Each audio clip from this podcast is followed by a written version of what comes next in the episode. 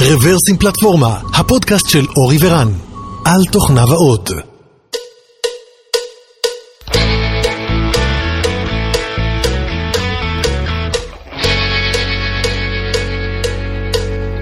שלום וברוכים הבאים לפודקאסט מספר 418 של רוורסים פלטפורמה, זהו קרבורטור מספר 31, התאריך היום הוא 17 באוגוסט 2021, ואנחנו בקרקור, באולפן הביתי שלנו בבית של אורי.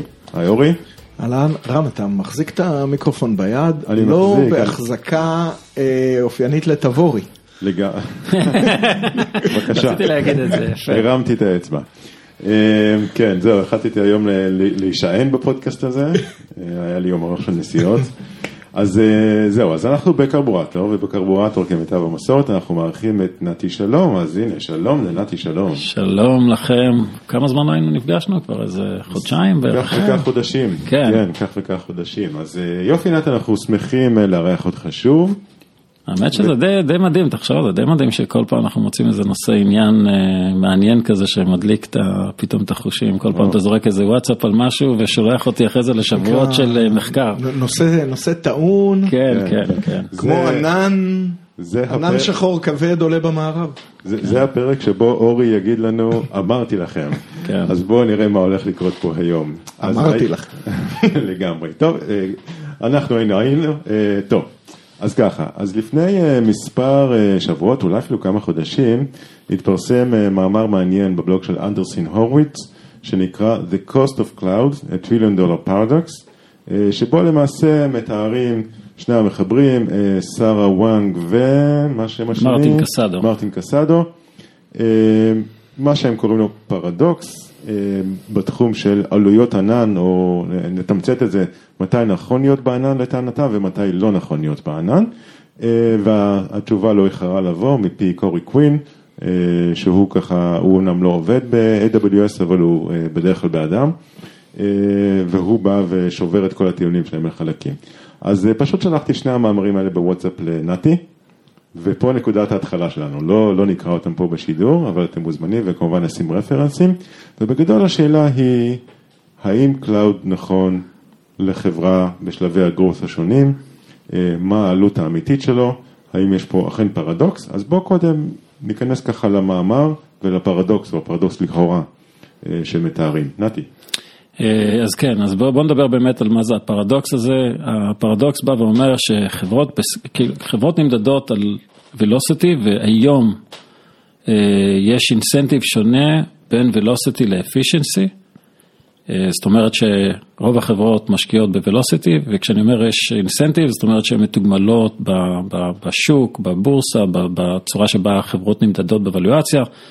אה, ומכאן בעצם יש אה, שרשרת שלמה של התנהלות שאומרת, אוקיי, אני צריך להוציא כמה שיותר מוצרים מהר, כמה שיותר פיצ'רים מהר, cloud הוא הפלטפורמה האידיאלית לדבר הזה, אה, ובדרך שוכחים את הצד של העלות של ה cloud, ואז כשמסתכלים פתאום על התוכן של החברות האלה וה- והפורטפוליו של ה-breakdown של ה-revenue שלהם, מוצאים נתון די, אה, די מדהים לדעתי, שאיכשהו פתאום שמישהו שם אותו על הלוח זה, זה הפך להיות אה, משהו מדהים, שהרבה מאוד חברות SaaS שהן ב scale, אה, Asana וכמובן Elastic ואחרים, אה, נמצאות במצב שבו אחוז גדול מהסך כל revenue שלהם אה, הולך ל infrastructure של cloud. ויותר מזה, האחוז הזה הולך וגדל. זאת אומרת, אה, ופה נכנס הפרדוקס, זאת אומרת, מצד אחד הם גדלים, מצד שני, הרווחיות שלהם הולכת ונשחקת, במגמה כזאת שהיא לא יכולה להדביק את הרווחיות שלהם. זאת אומרת, יש פה איזו מגמה שבה אני לא יכול לגבות בעבור המוצר שלי בקצב שבו אני מוציא כסף. בוא, בוא נסביר אומר- רגע למה, למה זה נשחק, רגע, בוא, זה בוא נשחק את כי. כי אני לא יכול לגבות, יש לי מוצר נתון בענן וכל הזמן יש לי דרישה להוסיף לו פיצ'רים ולהגדיל אותו. המשמעות של זה זה יותר ויותר אינפרסטרקצ'ר. עכשיו יש הרבה איים של inefficiency שתכף נדבר עליהם, אה, ו, אה, ומה שקורה לאורך זמן זה שהעלות שלי היא די קבועה, זאת אומרת היא גדלה באופן די קבוע, אבל ההכנסה שלי היא די הרבה פעמים פלט, זאת אומרת מבחינת המבנה ההכנסות. אז יש פה שחיקה שהולכת, ובעבור אותו מוצר אני מתחיל להוציא יותר זאת אומרת ויותר. הכנסה פר לקוח, אולי אתה... הכנסה פר לקוח, כן. זה סוג של- כן. inefficiency of scale. נכון. אנחנו רגילים להגיד יש, נכון. אנחנו נכון. צריך להיות לנו efficiency of scale מבחינת נכון, כי עלויות, אנחנו בכלל לא, אנחנו גדלים. כמעט ולא נמדדים עליו, וזה כאילו כל ה... כל ה... בעצם המאמר מתמצא בנקודה הזאת, שכשאתה מודד את כל החברות על כמה מהר הם מביאים עוד לקוחות, כמה הם גדלים, כמה פיצ'רים מוציאים, אז ברור שהצד השני כמעט ואף אחד לא יסתכל עליו. והרבה אומר- פעמים, אה, נניח אני, משפט אחד רק, אני זוכר בשיחות שהייתי הולך, וזה מבחינתי היה הערך הכי גדול של המאמר הזה. הייתי הולך ומדבר עם מנהלי פיתוח ומדבר איתם על כל מיני דברים שהם, איך כן לעשות דברים של efficiency, הם אומרים, טוב, אין לי זמן. אין לי זמן. אני עסוק כרגע, יש לי עוד מיליון דברים לעשות, זה איפשהו בבק ברנר. וכמעט תמיד זאת התשובה שהייתי שומע. אני, אני, רוצה להגיד משהו כאילו, עם, בוא, בוא נשים שנייה את הבורסה בצד, כן. בסדר? אה, ונחזור לבייסיקס של, אה, של, של הכנסות הוצאות, בסדר? היכולת לייצר אה, efficiency of scale מאפשרת לך בגדול to scale the business more, למה? כי אני מסתכל על זה בצורה מאוד מאוד בסיסית, יש, יש לך דלי של כסף, בסדר? אתה יכול בגדול להוציא אותו על שלושה דברים עיקריים, אה, על sales and marketing, על פיתוח ועל infrastructure. זה נגיד שלושת הדברים, ההוצאות הכבדות שיש. ב sales and marketing ובפיתוח אה, אתה משקיע באנשים וזה הכוח שלך קדימה, בסדר? אה, ה infrastructure הוא מקום שעד כדי הפגיעה בהתקדמות של אחרים, של האנשים, איפה שאתה יכול לאפטם, תאפטם, כי אה, כל השקעה ב-human capital, לא ב-human capital עצמו, אלא ב... ב human capital יביא מכפילים על הכסף, בסדר? infrastructure ברוב המקרים לא יביא יותר מאחד לאחד. זאת אומרת, אה, שרת שמשרת איקס בקשות ב- ביום, היום הוא ישרת איקס בקשות ומחר הוא ישרת איקס בקשות. איש מכירות עשה מכירה, מחר הוא, המכירה הזאת ממשיכה לעבוד ולהביא revenue, המכירה שהוא יעשה מחר מביאה עוד revenue, זאת אומרת יש, יש עליו revenue אינקרמנטלי. אנשי אה, פיתוח, אני חושב שגם marketing הם אה, באותו מקום, מוצר וכולי, הם הופכים את איש המכירות ליותר יעיל, הם נותנים לו עוד כלים למכור, והם גם לפעמים משקיעים ב infrastructure והופכים אותו ל- ליותר יעיל. אז יש להם, אני חושב, תרומה- פחות. תרומה אקספוננציאלית ל- ל business. עכשיו, יש לך את הדלי הזה של הכסף, ותחשוב איפה אתה, על מה אתה שם אותו. ב economy of scale, תשים אותו על מה שמגדיל את ה business, ולא על מה שמביא תרומה יחסית אה, קטנה או קבועה. אה, ו- ואת ה basics הזה אנשים שכחו.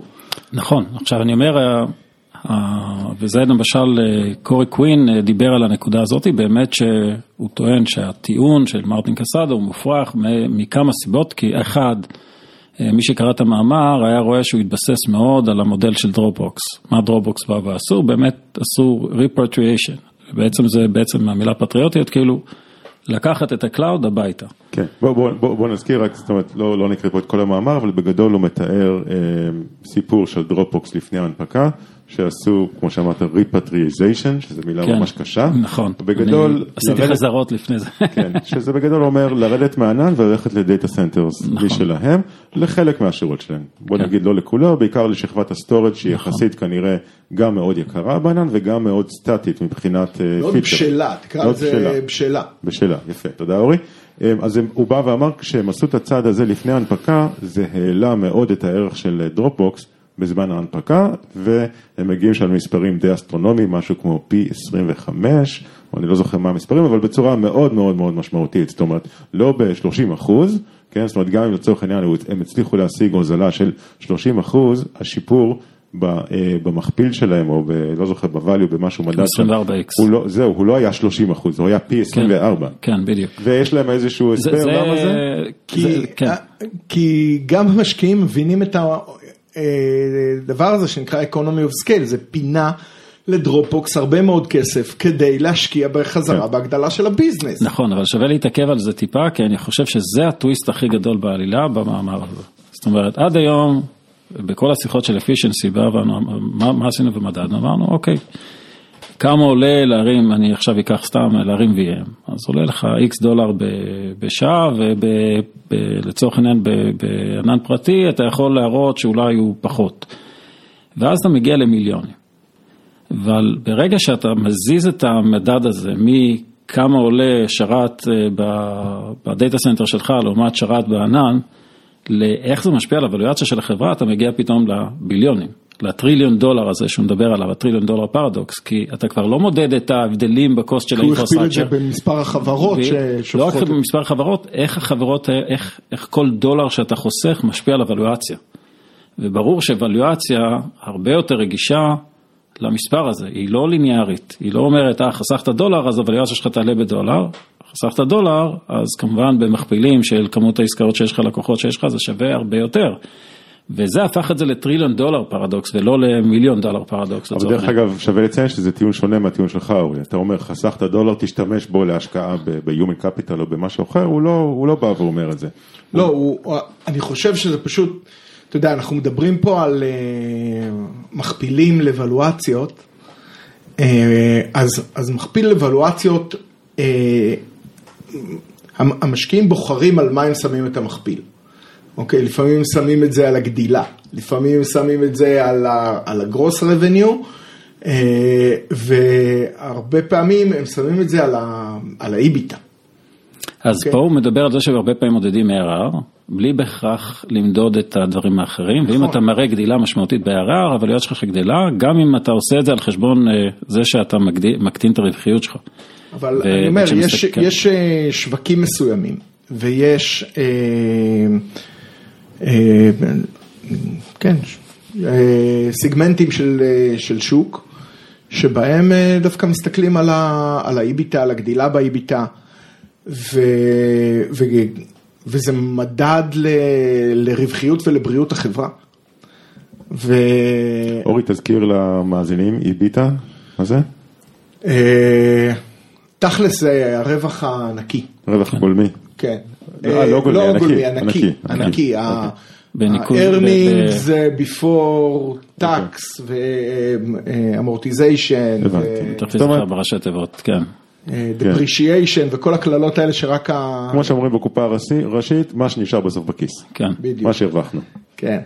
אז, אה, אז האיביטה הזאת היא, מדד לבריאות הביזנס מודל של, החברה, אה, והרבה פעמים אה, מקבלים על זה את המכפילים, ויש לא מעט חברות שאם הם יעב- יעבירו את ה...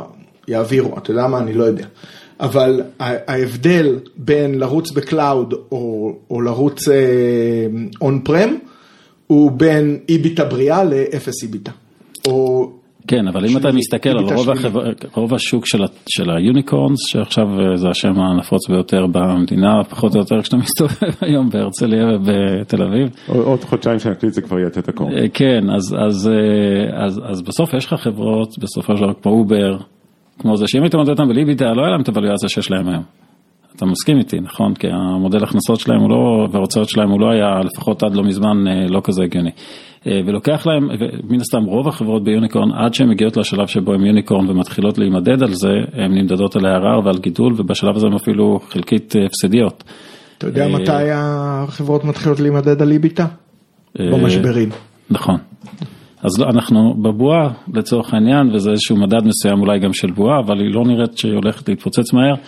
יש איפשהו כסף אינסופי שאני לא מצליח להבין אותו. אה, טפו. טפו, כן. אבל אני חושב שזה היה, כשאני ככה מקזז את זה, היכולת להסתכל על לא כמה עולה לי שרת ב data center שלי וכמה עולה לי שרת בענן ולמדוד את שם ולהישאר במגרש של הגרושים לצורך העניין, אלא להביא את זה פתאום לערך חברה, זה היה, זה הפך את זה לטריליון דולר ממיליון דולר פרדוקס. אה, וזה פתאום שם איזשהו מראה, ואומר, אוקיי, מה קורה פה? יש כן. פה משהו לא הגיוני. כן, אז, אז נסכם רק שנייה את המאמר הזה של Andreessen Horowitz, שאני ממליץ תכף לקרוא, למי שמתעניין, אנחנו ממש אה, אה, נסכם אותו בקצרה, הוא בא ואומר, תקשיבו חבר'ה, מאיזשהו גודל מסוים, אתם אה, לא צריכים להיות בענן, אתם צריכים לעשות repatriation, אמרתי את זה נכון? כן. repatriation המילה פטריוטיות, כן. לסרוויסים שלכם, כלומר לקחת את הסרוויסים, להוריד אותם מהענן ולבנות אותם אה, ב data center שלכם. בא קורי קווין וסותר אותו, והוא בא ואומר, אוקיי, תקשיבו חבר'ה, זה לא נכון כל הסיפור הזה, או זה אולי נכון במקרה של Dropbox. למה זה נכון לא, במקרה גם- של גם Dropbox? ב Dropbox הוא הוא אומר, אה, אתם מדדתם משהו לא נכון, כי הסתרתם חלק מהמידע. יכול להיות, אבל הוא אומר למה זה אולי נכון במקרה של Dropbox, אני אזהר פה, כי הוא אומר כי Dropbox אה, סיימו לחדש, זאת אומרת אין, אין להם כבר פיצ'רים חדשים להוציא, אה, הם הגיעו פחות או יותר לתקרת הזכוכית מבחינת איפה שהם יכולים לגדול ולחדש, אז כל מה שנשאר להם זה להיות יותר efficient, אז אם אתם חברה כזאת שכבר אין לה לאן לגדול, סבבה, תלכו להיות efficient, אבל רוב החברות בעולם יש להם הרבה מאוד לאן לגדול, אז יותר נכון לכם לגדול, גם אם זה על חשבון ה... איביטה, איך אמרנו? כן. אה, כן, זה- עוד זה פעם. זה הטיעון שלו. כן, אבל אתה יודע, ואז בא נתי שלום ואומר, בצדק, אני חושב, אה, תקן אותי פה אם אני כן, טועה וזה, אבל... לך על זה. דורבוקס לא, לא גמרה לחדש, בסדר? אין חברה שחפצת חיים שגומרת אה, גומרת לחדש, כולם מחדשים. אה,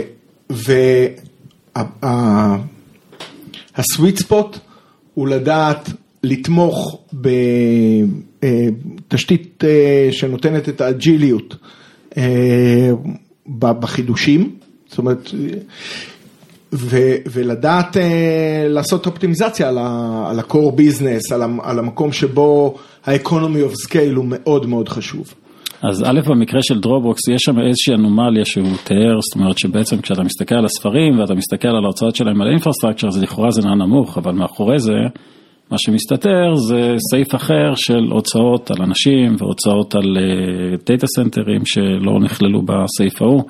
והם מופיעים פשוט בסעיף אחר, ואז הוא אומר, "ה- יש פה משהו שסך הכל המספרים הם לא כמו שהם מתארים. נתי בתור אחד שמכיר את המספרים לא, זה עדיין יותר זול. מהחברה שלו וזה, כן. ההוצאות על אנשים שתומכים ב infrastructure הזה, הם אה, fraction of a fraction. מה- עלות של infrastructure. ממה שעולה עלויות של cloud. כן. זה, זה, זה טיעון אה, של מישהו שלא לא בדיוק אה, יודע איך, איך עובדים אז אני אומר, ב- אני חושב, ב cloud. תראה, זה לא, זה לא סותר, מודרני. זה, זה לא לא- סותר את התיאוריה, זה רק אומר שהמספרים הם לא כ, כצעקתם, מה שנקרא. אבל לכן אני שם את זה שנייה בצד, אני אומר, יש פה טיעונים, צריך להכיר אותם. כנראה שדרופבוקס, אה, מה שנקרא, מינפו את הפוזיציה אה, הרבה יותר ממה שהיא באמת, אבל הגרעין של הטיעון פה הוא, הוא עדיין עומד עליו, וזה היה הניתוח שלי לפחות לזה, זה שלמרות כל הרעש הזה והביקורת, אה, שהמספר, שלעשות repatriation זה דבר גם מאוד יקר ופוגע באג'יליות, בסופו של דבר אני חושב שהטיעון המרכזי זה efficiency versus velocity. אה, היום, היום חברות נדרשות ל trade off הזה, וזה הגורם העיקרי. עכשיו, יש הרבה, הרבה מאוד דרכים גם לעשות, ואולי נדבר על זה, efficiency גם בתוך ענן, לפני שאתה עושה repatriation, זאת אומרת, repatriation הוא אחד האמצעים לעשות אופטימיזציה, מאוד קיצוני יחסית. אה, יש הרבה שלדעתי איחרו את הרכבת, או לחילופין, המהלך הזה יהיה להם מאוד מאוד יקר וכואב. אה, מי שלא בנה את זה מראש כמוך, או מי שלא תכנן את זה, זה, זה לא יהיה לו טריוויאלי. אבל הטיעון המרכזי הוא efficiency. אני צריך לייעל את הצורה שבה אני צורך משאבים, ואני צריך להסתכל על איך אני צורך משאבים בצורה מאוד נכונה. עכשיו, למה זה מורכב? כי אם אתה מסתכל היום, מה האפשרויות שלי להגדיל את האפישנסי בענן? אז בוא נסתכל על הפתרונות שיש לי. יש לי פתרון אחד, שזה כל מיני כלים שנותנים לי cost. מה הבעיה עם זה? שא' זה בדרך כלל after the fact, ואת ההמלצות שאתם תראו, אם תשתמשו בכלים שנותנים לכם cost, אז מקסימום יגידו לכם, הנה אלרט על איזה מישהו טיפש שהשאיר את המכונה שלו ולא סגר את זה. אוקיי, בסדר, מתי שאתם לומדים גם לנהל את הפוליסי הזה.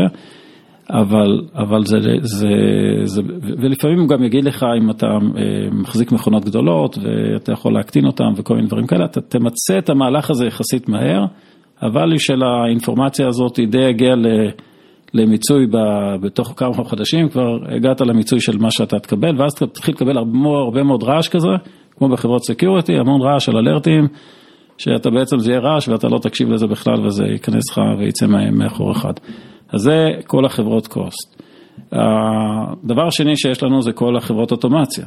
מה הבעיה עם אוטומציה? נתתי דוגמה דווקא מנוח הררי שמאוד אהבתי את המאמר אחר לגמרי, לא קשור בכלל לנושא הזה. מאזיננו יובל. כן, יובל, אה, יובל נוח הררי, כן, החבר שלי סתם, המסטינג. אה, יש לו אגב פודקאסט מאוד מעניין, הנה צוקרברג, גם נושא לשיחה אחרת. אה, אז, אז הוא בא ואמר משפט שאני עכשיו נוהג לצטט אותו הרבה, כלי הוא בסוף תלוי במה אתה עושה איתו, והוא נתן את הדוגמה של סכין, אמר סכין זה כלי שאתה יכול לחתוך איתו סלט ולהכין אוכל מצוין, אבל אתה יכול גם להרוג איתו, זה אותו כלי. אה, אותו דבר, אה, כלי אוטומציה, אנחנו הרבה פעמים אומרים, אוקיי, איך אני אחסוך, אני אעבור ל spot, איך אני אחסוך, אני אעבור ל Kubernetes, איך אני אחסוך, אני אעבור ל Terraform. מה קורה בדרך כלל לחברות אחרי שהם עשו את המהלך ל Kubernetes, אתה שואל אותם איך זה, איך זה המעבר, כמה זה באמת היה efficient יותר, אז אומרים לך, אג'ילי, אג'ילי, אג'ילי, אג'ילי, אבל ב cost זה rocketing. למה? כי נוצר גם עם המעבר לכלי אוטומציה הזה אה, איזושהי אבסטרקציה עוד יותר גדולה ל cost, כי עכשיו אתה לא באמת יודע מה רץ ואיפה, אה, וגם קלות, זאת אומרת, פתאום עכשיו להרים סביבות וקונטיינרים נהיה נורא קל, אז, אז מעיפים קונטיינרים על ימין ועל שמאל, והרבה מאוד סביבות, אתה מכיר את זה גם, אני חושב. אה, הרבה יותר ממה שהיית צורך קודם לכן, ואפילו במונוליט. אה, אם תשווה את המונוליט שהיה לך קודם, לעומת ה micro services שיש לך היום, ואת כל הסביבות development שאתה מריץ לצד זה, וכל האוברהדים שיש לזה, הם פתאום רואים שהעלות שלהם אה, גדלה וגדלה וגדלה בקצב מאוד גבוה. והסיבה היא שכלי אוטומציה באמת נותנים efficiency. הם מביאים אותך ל efficiency, אבל הם גם באותה מידה מורידים את ה efficiency מעצם זה שהם עושים אבסטרקציה ומחביאים כן, את הבעיה. מייצרים שכבת overhead משמעותית, לא זניחה. אה, ואז, והיום אין את היכולת באמת אה, לתווך בצורה טובה בין המשתמש ל infrastructure, אה, וככה אנחנו מגיעים לנקודה הזאת. ואז יש... אני חושב שלא יודע, מהניסיון שלי, אין, אין תחליף למי שמדי פעם מסתכל על ה cost ואומר חבר'ה, חבר'ה, אה, ברחנו פה, בואו. תעשו סיבוב נכון, ותראו איך אתם, אה, איך אתם מאפטמים. נכון, גם זה בעייתי, ותכף נגיע גם לאיזשהו, הייתי אומר, pattern של פתרון, או כיוון מסוים של פתרון, שהוא קיים בכמה תעשיות כבר. זה, זה, זה מה שהזכרת כחברות ה cost, no? זאת אומרת, החברות שמציפות נכון, את ה cost בדיוק. הבעייתי. זה כמו חברות security, אני אומר, זה באיזשהו שלב, כי מה הבעיה? בוא אני אראה לך איזה, אני אפרוס לך עכשיו את כל הכלים של אופטימיזציה, ואז תבין איפה הבעיה. יש לך בעצם, בארבע קטגוריות של אופטימיזציה, יש לך קטגוריה אחת שזה ברמת ה-VM, ה-compute וה-storage, אז אתה יכול ללכת מספורט, ל-reserved, ל-VM יותר גדול, עם GPU, בלי GPU, כל מיני אופטימיזציות ברמה הזאת של ה-infrastructure. יש ברמת policy. אה, שזה בעצם להגיד, אוקיי, מכונה שלא השתמשת, תהרוג, אה, אם זה ב-development תעשה ככה, אה, ויש כל מיני מדינ... נושאים של מדיניות, ויש ארכיטקטורה, Kubernetes, קונטיינרים, Fargate, לא Fargate, serverless, לא serverless, כל מיני היבטים כאלה. ועכשיו כשתסתכל על כל הדבר הזה ותגיד, אוקיי, אני רוצה לעבור למשל מ-VM ל spot, לכאורה פשוט, אתה לא צריך לעשות כלום. איפה אתה נופל? אם האפליקציה שלך היא stateful, לא בדיוק יעבוד. אז זה דורש שינוי ארכיטקטוני, זה כמעט כמו לעבור ל microservice, זה, זה, שינוי ארכיטקטוני הזה הוא כבר שינוי קוד, שינוי קוד זה כבר לא דבר פשוט, זה לא שמישהו יצעק לך וואלה אתה מאוד לא efficient פה, ומחר אתה יכול להיות 30% אה, יותר efficient. מה שאתה אומר שזה לא משנה אם uh, אתה, אם אתה תעבור מ... Uh, לא יודע, מ cloud ל on-prem, או ממונוליט ל microservice, או כל, עצם זה ששינית state of mind ואתה מתחיל להיות mindful למודעות, יצריך, יצריך ממך השקעה. בדיוק, והרבה השקעה ולאורך זמן, כי בואו ניקח את הדוגמה הכי טובה לחברות שיודעות לעשות scale, זה חברות ה cloud עצמן. מה, מה קורה בחברות האלה? אגב, הם ידעו, הם, הם ידעו כל כך טוב לעשות scale שהם הרימו את ה cloud. נכון, אבל אני אומר, הם, הם, איך הם עושים את זה ואפשר ללמוד מהם, זאת אומרת, יש להם על כל צוות, על כל מוצר, הם, כשהם עושים S3, הצוות הזה לא עובר לפתח רק את ה feature הבא, הוא עובד מאוד מאוד חזק בלמצוא פתרונות שמורידים את ה cost עבורם ולצורך העניין מגדילים את ה margin ואת כל האופטימיזציות שמאחורי זה לאורך זמן ומשקיעים בזה המון. זה לא שזה קורה בדרך דרך אגב, זה לא שזה מישהו אומר להם, אה, הקוסט שלך יקר, בוא תוריד אותו ופתאום אה, משקיעים בזה, עושים שינוי פריורטי של פיצ'רים ומשקיעים בזה. זה חלק אה, מאוד מאוד משמעותי. בהתנהלות שלהם, זה חלק אה, מאוד משמעותי באינסנטיבים שלהם, זה חלק מאוד משמעותי באיך שהם אה, מתכננים את הרודמפים שלהם, וזה פיצ'ר לכל דבר ועניין, והוא מקבל את אותה עדיפות כמו פיצ'ר שהוא customer facing.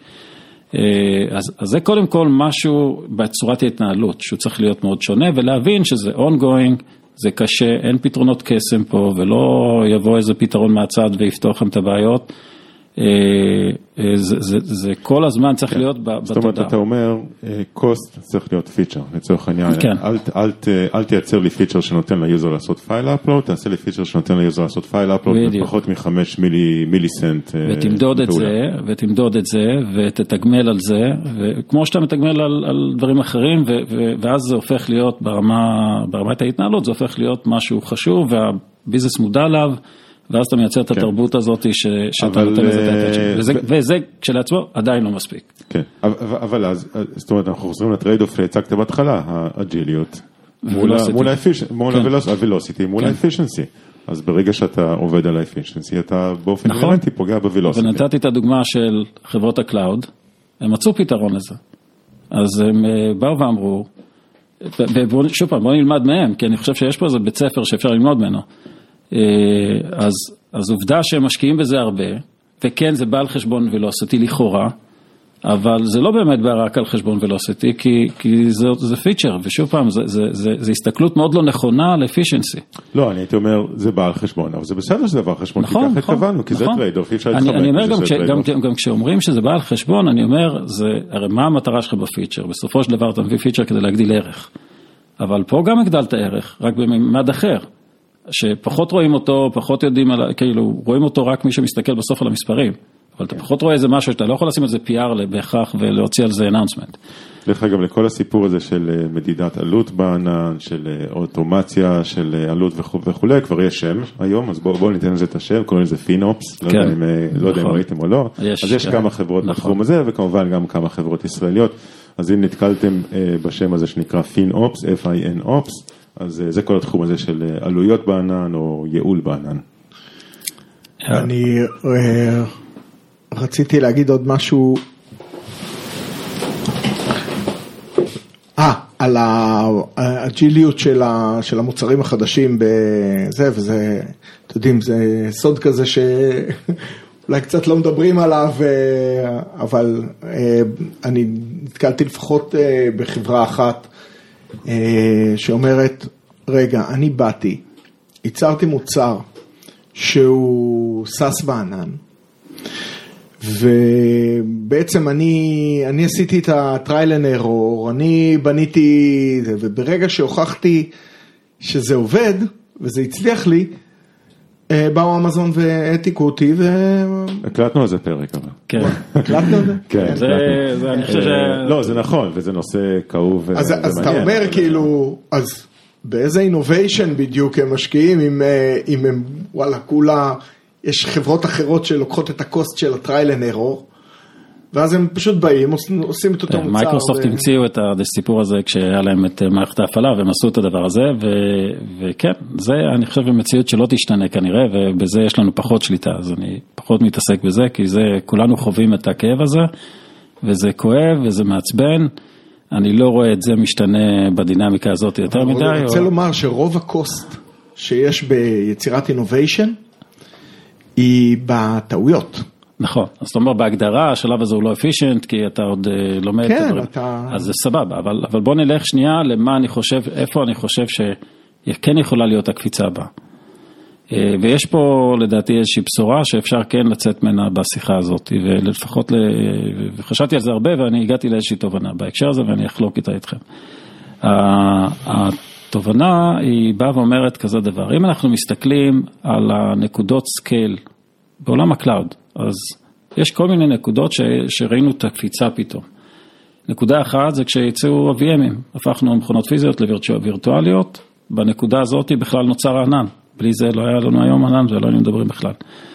הנקודה השנייה זה היה מעבר לקונטיינרים ואחרי זה Kubernetes, אה, שבעצם הביא אותנו יכולת לנהל מערכות מאוד מורכבות וגדולות. כבר יצאנו מ-VM לקונטיינרים וזה היה גם אה, נקודה אה, סינגולרית מאוד משמעותית. אחרי זה יש את ה-infrastructure as code, והיום אחת הבעיות לאופטימיזציה, ואני בא קצת מעולם של דאטאבייסים אז אני מכיר את זה טוב, זה מאוד מאוד קשה לעשות אופטימיזציה כשמה שאתה. כשהעולם שלך הוא Security Group, וכשהעולם שלך הוא VPC, וכשהעולם שלך הוא כל מיני נקודות כאלה ב infrastructure, ככל שאתה מסתכל על, ה... על, על הפסיפס ואתה מנסה לעשות אופטימיזציה, מאוד מאוד קשה לך לראות את התמונה ולראות איפה הפוקט הכי גדול שלך ולעשות את האופטימיזציה שם. ואנחנו קצת תקועים פה. עכשיו, לדעתי צריך להיות תקועים בפרטים אתה אומר, ולא בתמונה גדולה. תקועים בפרטים, בדיוק, ולכן הקומפלקסיטי הוא זה שמייצר את המורכבות שלא מאפשרת לעשות את ה... תיארתי כל מיני, כל מיני שיטות לאופטימיזציה, שזה policy, שזה יכולת לעשות scaling, שזה spot, שזה, אה, שזה יכולת לשלוט ב-VMים, אבל היכולת ליישם את זה היא מאוד מאוד קשה. אה, ואז אם אני לוקח את זה הלאה ואני אומר, אוקיי, אז חייב, חייב להיות פה משהו נוסף שמשנה את המשחק ב, ב, ב, ב, בעוצמה של המעבר מ-VM לקונטיינר, בעוצמה של המעבר מקונטיינרים ל microservices ול infrastructure as code, והדבר הבא שאני מסתכל עליו זה היחידת בניין, היא Templatized Environment, זאת אומרת היום אני כבר לא מסתכל על קונטיינר או אפילו על micro service, יש לי template לכל דבר. היום אני אמצא template ל-Machine Learning, ו-template לאיך אני עושה monitoring, ו-template ל... יש לי המון טמפלייטים מסוגים שונים, יש חלקם כתוב ב-Terraform, חלקם ב-CloudFormation, חלקם ב-Azure ARM, חלקם בשפה אחרת, אה, אבל כבר אני יכול להסתכל על building blocks הרבה יותר coarse grain, כאילו מערכות, RDS כמערכת, לא מעניין אותי איך ה-RDS הזה בנוי, אני מקבל אותו כיחידה, ועכשיו כשאני מסתכל עליו כיחידה, אני אנסה לאפטם אותו כיחידה ולא, כ... ולא את כל ה-bits וה-bytes, את זה כבר מישהו אחר עשה. אה, וזה מאפשר לי פתאום להסתכל על, על אה, אופטימיזציה של מערכות, ולאן זה מביא אותי. אז רגע, בוא, אני, אני, כן, לא, אני לא בטוח שאני איתך, אז בוא, okay. אוקיי. ת, אני, אני אגיד את זה בשפה שלי ותגיד לי איפה אני טועה. אז אתה אומר, יש כל מיני סוגים של workloads, נגיד database רלציוני זה סוג אחד של workload. Web Service זה סוג אחר של Workload. Kubernetes Cluster זה גם. אוקיי, נגיד Spark או Big Data Processing זה גם סוג אחר של נכון. Workload. אז בואו נשים כל אחד מה-Workloads האלה בתוך קופסה, אוקיי, נגיד ניתן להם API, ניתן להם שם, ועכשיו את כל אחת מהקופסאות האלה אנחנו נוכל לאפטם בצורה שהיא אה, לא שקופה החוצה, זאת אומרת נכון. ה-API אליהם לא ישתנה, לצורך העניין. אני שולח בקשה ל-database, אני תמיד אקבל תשובה, ולא חשוב איך הוא בנוי, בין אם זה ממומש מעל MySQL או בין אם זה ממומש מעל Dynamo. אבל הקופסה optimized. הקופסה optimized, אבל כשאנחנו אומרים optimized זה אף פעם לא אותה אופטימיזציה. ועכשיו תכף נגיע לשלב הבא. אז שלב ראשון זה היה להגיד, אנחנו, כדי בכלל להגיע לרמה הבאה, אנחנו צריכים לעלות קומה. כמו שעשינו עד עכשיו, אנחנו צריכים לעלות קומה בגרנולריות וביכולת שלנו, האבן בניין צריכה להשתנות מפסיפס ללבנים, מלבנים לבלוקים, מבלוקים לאיטונג, לא, לא יודע איך נקרא לזה. אה, אז כשהאבן בניין אה, גדלה, אז אני יכול להסתכל על גורדי שחקים. כשאני עובד עם פסיפס, אני לא אבנה גורד שחקים, במקסימום אבנה קומה אחת. אז, אז האבן בניין היא נקודה מאוד קריטית פה. השלב השני זה באמת מה שהתחלת לגעת בו, זה היכולת לעשות decoupling בין ה-workload ל-infrastructure. כי ברגע שאני יכול לעשות את ה-decoupling הזה, אני יכול באמת להגיד עכשיו כל יחידה היא אופטימלית, ועכשיו אני יכול להדביק את ה-workload ליחידה הכי אופטימלית לצורך הזה. ו... ואם אני עושה את זה סטטית, אז אני אהיה semi optimal, כי קיבלתי את ההחלטה בנקודת זמן מסוימת, לא יכול להיות, לא בטוח שהיא תמיד תהיה נכונה לאורך זמן, כי המשפט הזה של אופטימלית הוא דבר דינמי, כי הלואוד משתנה. אני, אני, אני זוכר שהקלטנו פעם אה, פרק עם חברה, אני לא זוכר איך קוראים לה, יושבה ביוקנעם וזה היה משהו השם עם אה, זין באדר ב' או משהו כזה. כן, כן, אה, stor, חברת storage Zadara. כן, אה, אבל, נכון. אבל הם נותנים פתרון storage לכל העננים, אה, ה-APIים של העננים למיניהם, וכששאלנו אותם איפה בתכלס אתם, אתם מאחסנים, אנחנו לא מאחסנים בענן. אנחנו יושבים ליד העננים וכולי, אבל ה- האופטימיזציה שלנו ל-cost היא בזה שיצאנו החוצה, אבל אנחנו נותנים לצורך העניין building block, אה, הרבה יותר גנרי של הנה storage, פתרון storage, אופטימלי. נכון, אז אתה אז, אומר, אוקיי, אז למה ש-RDS לא יהיה ככה, אז למה שכל ה-building blocks... אני אומר, אפילו, אני אומר אפילו אם זה בענן, אפילו אם זה בענן, אה, שוב פעם, פרסנו מיליון אופציות ללהריץ את אותו דבר בענן, יש לך רק על Kubernetes, Fargate, ויש לך את גם אה, לחזור, אפשר Kubernetes, גם לחזור כן. לדוגמה של Dropbox. יש להם כמה סוגים של סרוויסים, אחד מהם זה storage ויש להם סרוויסים מסוגים אחרים, יש להם user interface, נכון. יש להם אה, docs. מסמכים, יש להם docs, יש להם הרבה סוגים של סרוויסים, לקחו את אחד מהם, אוקיי, רק את ה-storage, בודדו אותו, ורק אותו הוציאו החוצה נכון. מהעניין. אז, אני אומר, זה, שהוא אני חושב, אתה יודע, בתור חברה אתה רוצה לאפטם את החלקים הגדולים של הקוסט מודל שלך. בסדר? גם נטפליקס עם כל הסיפור של אנחנו ב... כן, את ה-CDN אה, הם ב- הוציאו החוצה, את כן. ה-CDN נכון. הם הוציאו החוצה. אז אני אומר, זה, זה, זה אופטימיז... אני מסתכל על זה טיפה יותר רחב, אני אומר, זה אחד האופטימיזציות, כנראה משמעותית יותר, לא לכל דבר היא מתאימה, זה אני חושב שזה די ברור, ויש עוד הרבה אופטימיזציות. אה, הרבה דברים שהם לא דורשים בהכרח אה, דברים כאלה קיצוניים או דרמטיים, ופרסנו פה כמה, כמה מהדברים האלה, אבל היכולת שלי להשתמש בהם היא החלק המורכב. אם אני אהפוך את היכולת שלי להשתמש בהם ליותר פשוטה, ליותר פשוט, אז אני אוכל אה, אה, להגיע לנקודה הזאת. ו- ופה אני אומר, אם אני יכול להגיע לאופטימום, שזה the right infrastructure for the job, ובו אני אגיד עכשיו איזה משפט שאני חושב שכל אחד יסתכל על העולם שלו ו- ויבין על מה אני מדבר. אה, היום, כמה פעמים אנחנו בעצם מריצים את ה-workload שלנו על סביבה שהיא least common denominator, זאת אומרת, ה-production system למשל שלנו. אנחנו נריץ הרבה מאוד dev, dev, dev אה, טסט וכל מיני דברים על אותו production environment. עכשיו, אני לא צריך ל-dev את ה-SLA של RDS, אני יכול להשתמש סתם ב-database לצורך העניין, אני לא צריך אה, network מורכב, אני לא צריך עוד המון דברים ברמת SLA שיש לי היום בסביבת production, אבל אני, אבל מסובך לי לייצר סביבה עכשיו שהיא ייעודית ל-development, אז אני לא אעשה את זה, ואז אני נשאר במכנה המשותף הזה שצריך לשרת הרבה מאוד workload. אז בהגדרה אני אה, אה, לא optimized. אלא אם כן אתה מגיע למצב ש- you couldn't care less. אוקיי? אה, ש- זה, תסביר לי את המשפט הזה, איך זה יכול להיות? שזה גם ככה לא עולה כלום, זה מה ש... אומר. לא, ש... אה, זה- זה שקוף לך, איפה זה רץ.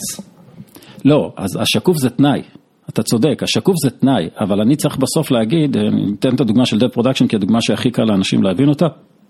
אה, אם אני יכול לצורך העניין, אה, אני עכשיו רק רוצה לבנות פיצ'ר ולבדוק אותו. אני לא צריך עכשיו שתריץ לי EKS בשביל הדבר הזה, אם תיתן לי Kubernetes שרץ לי על VM, Minikube או K3S או whatever, את אותו API של RDS שזה בעצם Postgres, את אותו storage שזה S3 שזה יכול להיות MinIO, אה, בסביבה שהיא sandbox, סבבה לי, אני יודע לעשות את זה, תמיד יהיה לי את החצים החוצה כי אני לא אריץ את הכל בטוב באותו VM, אבל אני מקבל פה מה שנקרא היום ה buzzword החדש בעולם של ה-DevOps, זה הדמוקרטיזציה של ה-Development, זאת אומרת, יכולת שלי באמת לא להיות תלוי ב-shared environment ולהגיע ל-agility, להגדיל את כמות הטסטים אה, וכל מיני דברים מהסוג הזה, אבל, אבל אני יכול ממש לבנות stack די בקלות. אה, במיוחד שיש לי building block שחוזרים על עצמם, שזה בדרך כלל Kubernetes, Terraform, Ansible, כל מיני יחידות כאלה שהם, אני יודע כבר למדל אותם בתוך קופסאות קטנות וקופסה גדולה. אה, אני יכול להגיד עכשיו, אה, כשאני די מריץ את זה ב dev, אני לא צריך GPU, אני יכול להריץ את זה בלי GPU, זה כן, זה ירוץ יותר לאט, אבל, אבל אה, אני לא חייב את המכונה עם ה-GPU ואת ה-high-end לבדוק את הפיצ'ר עצמו ברמת פונקציונליות. עכשיו, אני זורק כל מיני דברים, ברור שזה לא יתאים להכל, אבל העיקרון הוא שאם אני יכול כן להגיע למקום שבו אני יכול להצמיד את ה-workload, את ה-infra- את ה- the right infrastructure for the workload, אני אגיע למקסימום אופטימיזציה, ועכשיו יש את המציאות, אני אף פעם לא אגיע ל-100% של זה, כי זה תמיד מסובך, אבל אני יכול להגיע קרוב לזה, וככל שאני אגיע קרוב לזה, אני אהיה קרוב לאופטימום.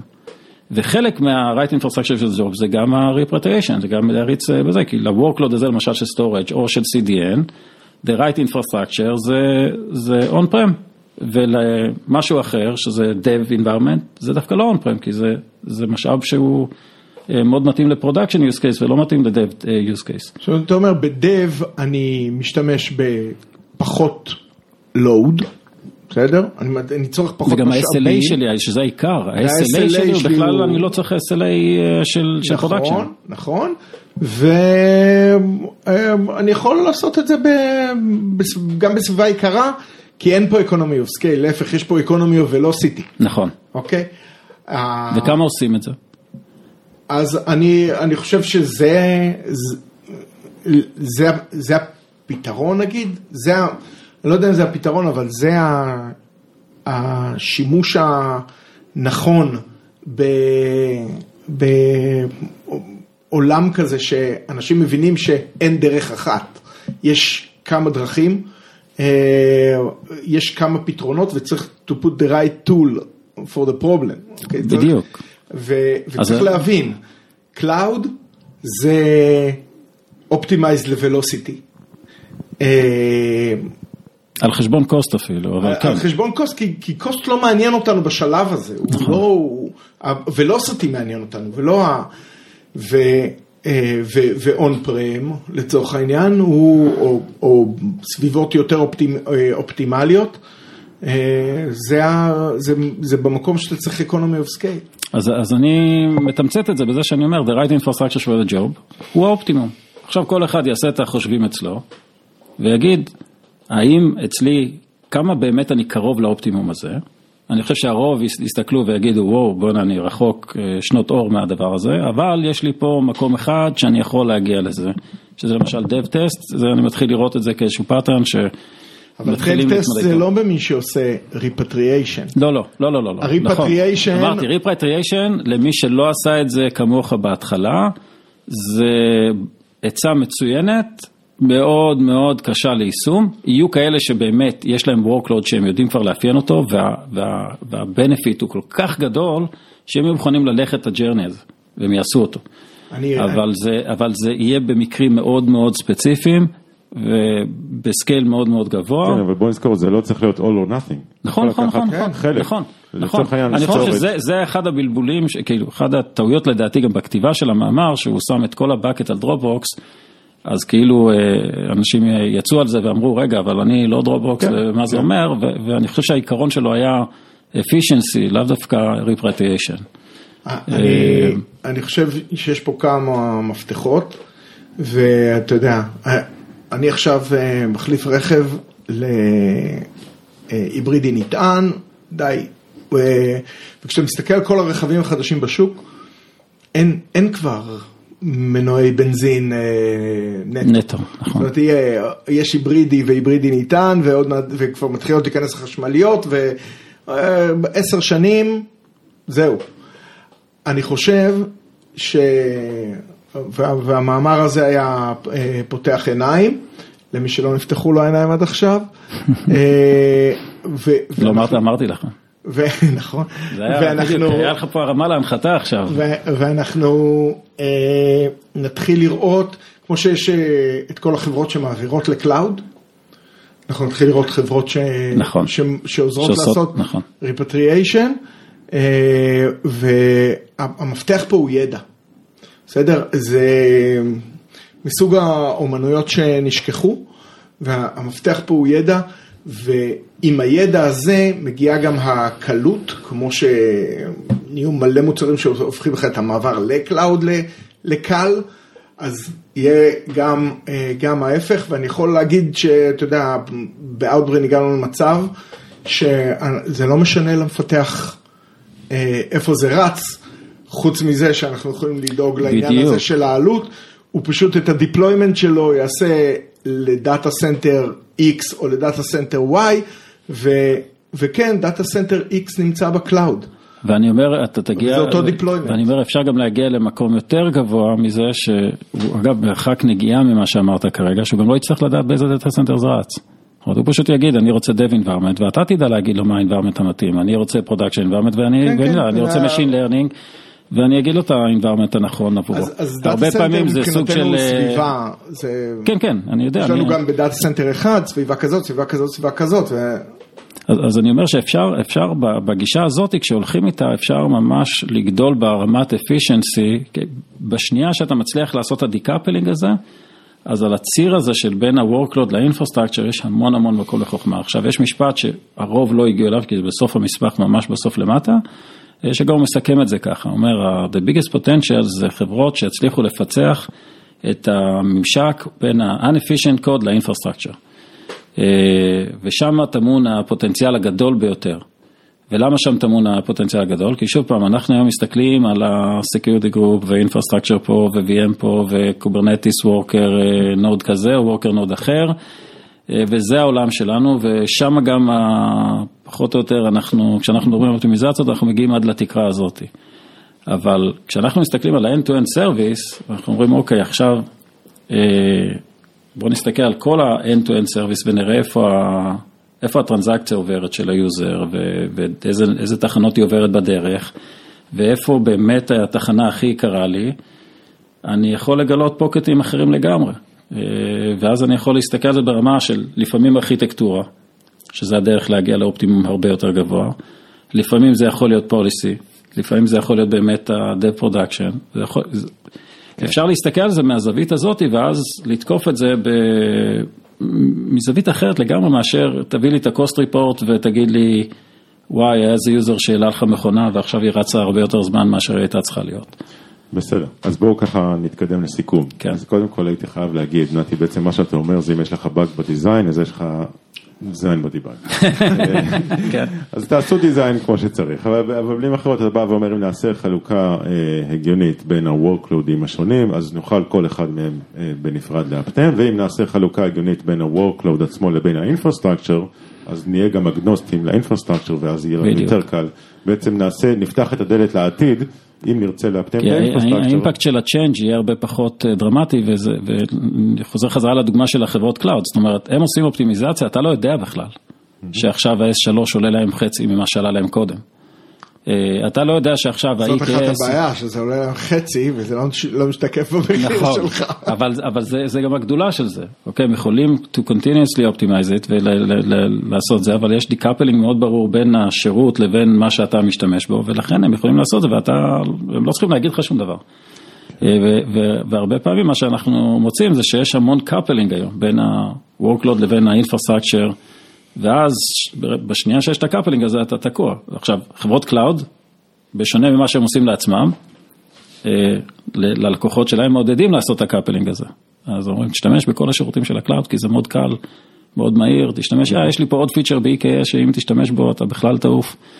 ואז אתה מוצא את עצמך במקום שאופס, אני כבר לא יכול לזוז משם. אני כבר לא יכול לזוז וזה עולה לי...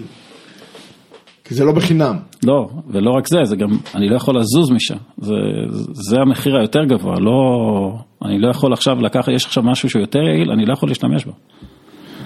אני לא יכול להשתמש בו כי אני תפור שם. כן, מ... אז, אז, אז נמשיך בסיכום. כן, סליחה. זה פרק מרתק, אנחנו מסכימים, כן, אבל בגדול הצגנו מה שנקרא הפרדוקס של הענן, שבו הוא בא ואומר, בימים הראשונים של החברה בדרך כלל, זה סופר משתלם להיות בענן, אבל באיזשהו שלב צריך לחשוב האם זה באמת המקום הנכון בשבילכם לרוץ, ולפעמים אתם כבר תקועים, זה מה שאתה אומר. זאת אומרת, לפעמים אם לא השארתם לעצמכם איזשהו פתח מילוט, אז אתם כבר יכולים להיות תקועים, וגם אם מצאתם דרך יותר יעילה לעבוד, העלות המעבר היא כל כך גדולה שזה לא שווה את זה. ולפעמים אין ידע. אין ידע וזה הדבר שלא יודע, מבחינתי הוא הכי חבל. שאין את הידע, ידע זה כלי, זה כוח, ואנשים איבדו את השריר הזה. היה לי שיחה עם, שוב פעם, אייל פינגולד מצ'ק פוינט, והוא אמר שבאמת יש סוג של שתי מחנות של אנשים שכשהם מקבלים החלטות על infrastructure, אז יש כאלה שבהם אומרים, זה בענן, מנוהל על ידי אמזון, אני לא מחפש לעשות multi cloud, לא מחפש ללכת לפתרונות אחרים, אני הולך עם זה, הם יודעים מה הם עושים. ויש את האלה שבאים ואומרים, לא, אני רוצה to decouple, אני לא רוצה לקחת, אז אני אקח באמת Elastic מ Elastic ולא את Elastic שלהם, אני אקח Data uh, Dog ולא את ה-cloud uh, watch. Uh, וזה ממש שתי אונות במוח, כאילו, זה, אתה רואה ממש שתי מחנות כמו דמוקרטים ורפובליקנים, זה בערך, העולם מתחלק פחות או יותר לדברים האלה, ואני אומר, אנחנו צריכים יותר את הצד ה decoupling, כי המחיר של הלא decoupling ב short term הוא באמת נראה gain מאוד גבוה, אבל ב long run הוא בסוף, הוא, הוא כמעט תמיד מוכיח את עצמו כמשהו שתוקע אותך והוא לא משתלם, ואני חושב שזה איזושהי תובנה שלא קיימת היום. והמחנה, לא יודע אם לקרוא לו דמוקרטי או רפובליקני, המחנה שמוכן ללכת עד הסוף עם הענן, הרבה פעמים עושה את זה עם הרבה מאוד נאיביות. כן. טוב, בנימה אופטימית זו, אנחנו מסכמים פודקאסט מרתק על עלויות ענן, ואמרתי לכם. אני יכול להגיד עוד משהו. יש פה רעיונות להרבה הרבה סטארט-אפים עכשיו מהשיחה הזאת, אז מי ששמע... דברו איתנו. דברו איתנו, כן, כן, בדיוק. טוב, תודה רבה אורי, תודה נתי, היה מרתק, להתראות.